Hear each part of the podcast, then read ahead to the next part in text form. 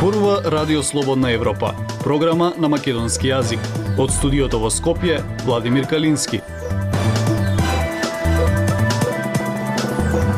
Почитувани следите емисијата на Радио Слободна Европа. Партиските лидери седнаа на седничка маса за справувањето со енергетската криза. Меѓусебните обвинувања продолжија во партиските соопштенија. Ако каматните стапки станат двоцифрени, граѓаните тешко ќе ги плаќаат кредитите, велат од Народната банка.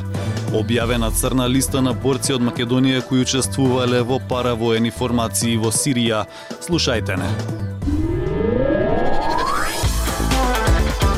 Независни вести анализи за иднината на Македонија на Радио Слободна Европа и слободнаевропа.мк.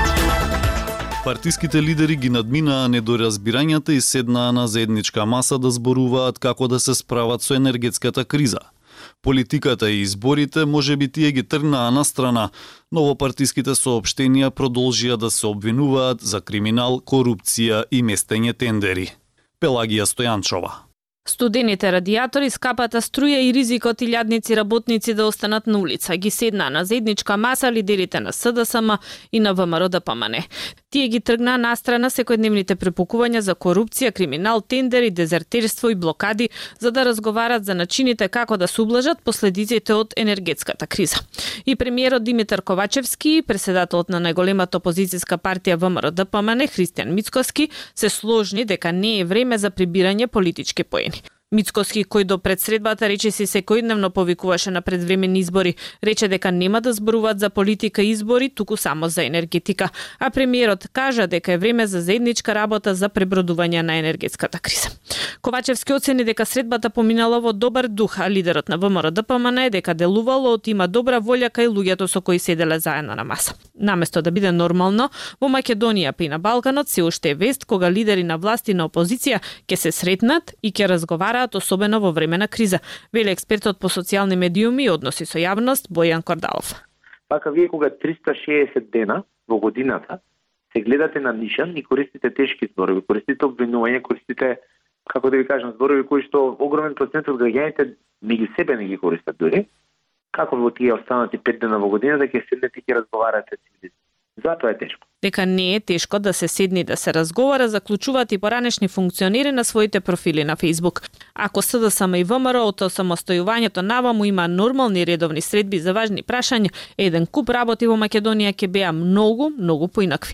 Напиша на својот профил на Facebook Зоран Јовановски, главен советник на управниот одбор на Стопанска комора на Македонија за економски прашања и поранешен подпредседател на СДСМ. Лидерите седнаа на заедничка маса, но партиските преписки со меѓусебни обвинувања не затаја ниту посредбата. ВМРО ДПМН па продолжува да го нарекува премиерот дезертер и да обвинува дека тој создал соларен картел околу себе. Од СДСМ пак вела дека Христијан Мицковски е гласен за одредени тендери за фабрикувани лаги конструирани случаи, но никаде го нема кога треба да се зборува за струјата од неговите хидроцентрали. Наративот што го користат партиите во сопштенијата служи за анимирање на партиското членство и на тврдите партиски подржувачи, вели Кордалов. Но сега граѓаните треба да бидат приоритет, а нас не интересира дали ќе има струја, парно и дрва и какви ќе бидат цените, како и тоа дали ќе има рестрикции. Политичарите сега може да ќарат поени единствено ако понудат решенија, вели Кордалов.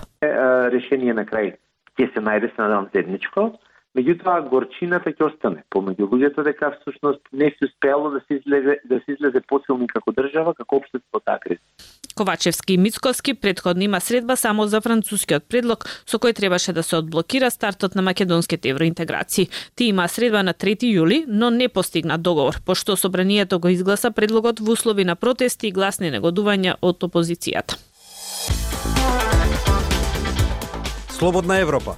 Следете на на Facebook, Twitter и YouTube. Владата за прв пат објави листа од 15 македонски државјани кои учествувале во паравоени формации во Сирија и Исламската држава. За овие луѓе со владина одлука се одредени финансиски санкции поради учество во сириската војна. Дел од нив биле кривично гонети и затоа што обезбедувале пари за лица кои заминуваат или се присутни во Сирија известува Зорана Гаджовска-Спасовска.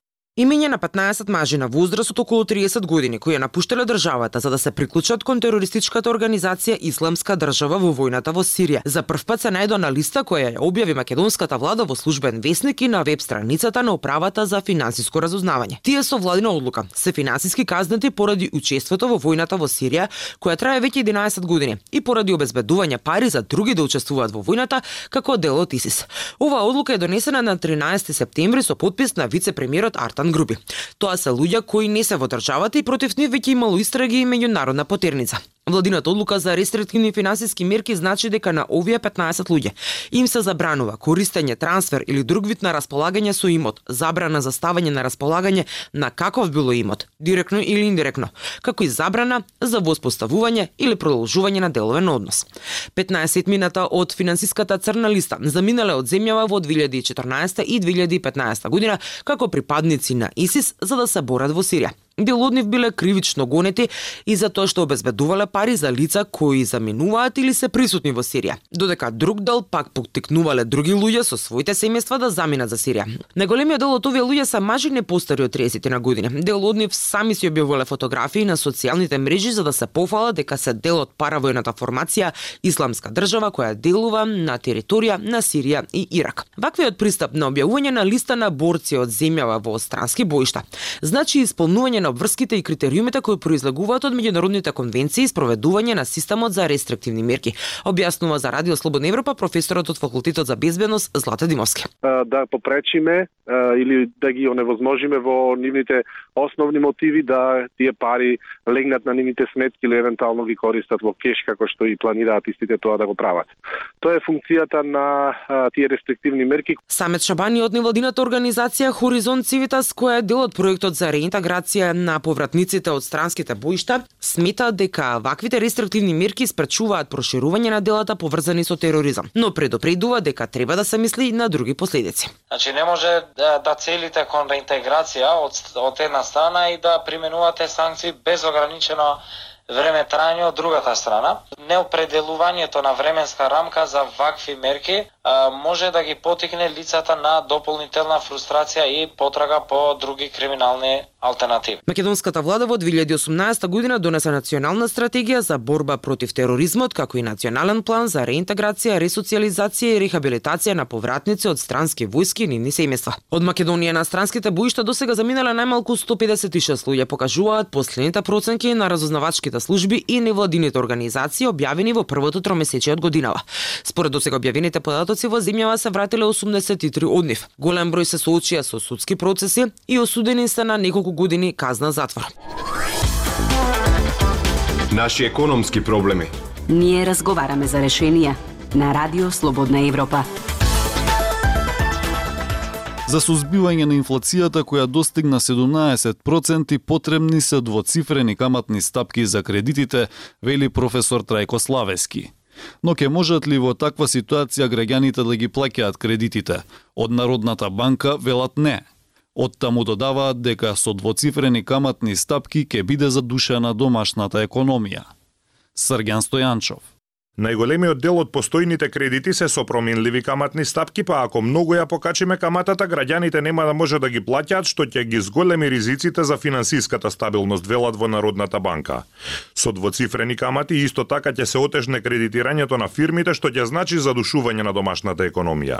Зголемувањето на трошоците за живот, односно инфлацијата, во август достигна 16,8%. Многу е скапа.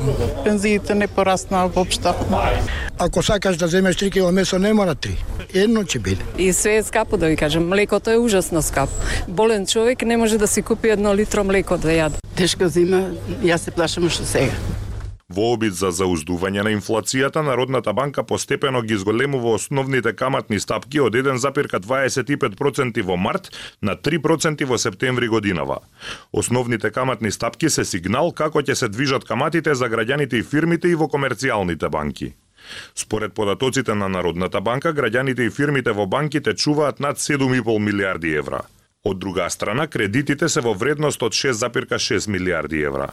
Само граѓаните должат 1 милиарда и 200 милиони евра за стамбени кредити и 1 милиарда и 800 милиони евра за потрошувачки кредити. Професор Трајко Славески од опозицијската ВМРО ДПМН во интервју за Радио Слободна Европа рече дека основните каматни стапки треба да бидат двоцифрени за да се скрши рбетот на инфлацијата. Тој аргументира дека со високите стапки на инфлација а ниски камати штедачите губат пари затоа што нивната вредност се намалува 17% годишно, а добиваат камата пониска од 1% годишно. Тој вели дека ударот врз економијата од високите камати е цената што треба да се плати. Нема лесен одговор, некогаш треба да се плати цена цената, барем на краток рок, затоа што па одржување на висока стапка на инфлација не му користи на бизнисот. Во услови на инфлација, планирањето е речиси невозможно. Основните каматни стапки во еврозоната се 1,25%. Во Албанија се 1,75%, во Хрватска 2,5%, во Србија 3,5%, а во Босна 3,63%. Највисоки камати во Европа има во Украина, каде што бесне е војна од 25% и во Молдавија Молдавија од 21%. Највисоки камати во Европската Унија има во Унгарија 13%, а Чешка и Полска имаат по 7, односно 6,75%. Во Народната банка велат дека и во светски рамки има различни гледишта на економистите за оптималната монетарна политика со оглед на специфичноста на шоковите со кои речиси во континуитет се соочуваме во изминатите неколку години како никогаш досега. Тие сметаат дека агресивното зголемување на каматите во Македонија нема да даде резултат, затоа што три четвртини од инфлацијата е предизвикана од надворешни фактори, односно се должи на увозните цени на храната и енергенсите на кои земјава не може да влијае. Од друга страна, големо покачување на каматите може да предизвика рецесија. Актуелности свет на Радио Слободна Европа. Рускиот председател Владимир Путин, кој владее со најголемата нуклеарна сила во светот, постојано го предупредува Западот дека секој напад врз Русија може да предизвика нуклеарен одговор. Но дали Путин ќе го користи нуклеарното оружје и како би можеле да одговорат Соединетите држави и НАТО? Слушате во прилогот на Гоце Атанасов. Дали ќе користи нуклеарно оружје многу зависи од тоа како Владимир Путин ја доживува заканата за руската држава и неговото владење. Путин ја опишува војната во Украина како екзистенцијална битка меѓу Русија и Западот, за кој вели дека сака да ја уништи Русија и да ги контролира незините огромни природни ресурси. Путин го предупреди Западот дека не блефира кога рече дека е подготвен да користи нуклеарно оружје за да одбрани Русија. Некои аналитичари велат дека Путин блефира, но Вашингтон сериозно го сваќа.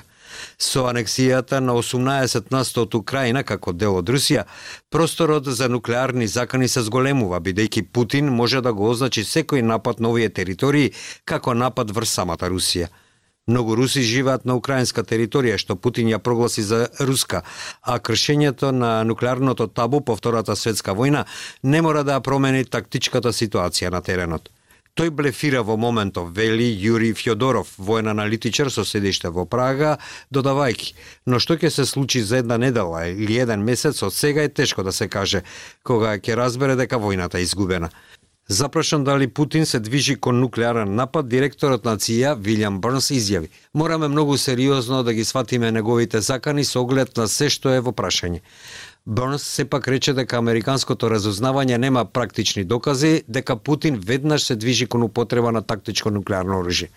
Ниту еден руски функционер не повика на напад со стратешко нуклеарно оружје, што е дизајнирано да уништи градови во Соединетите држави, Европа и Азија.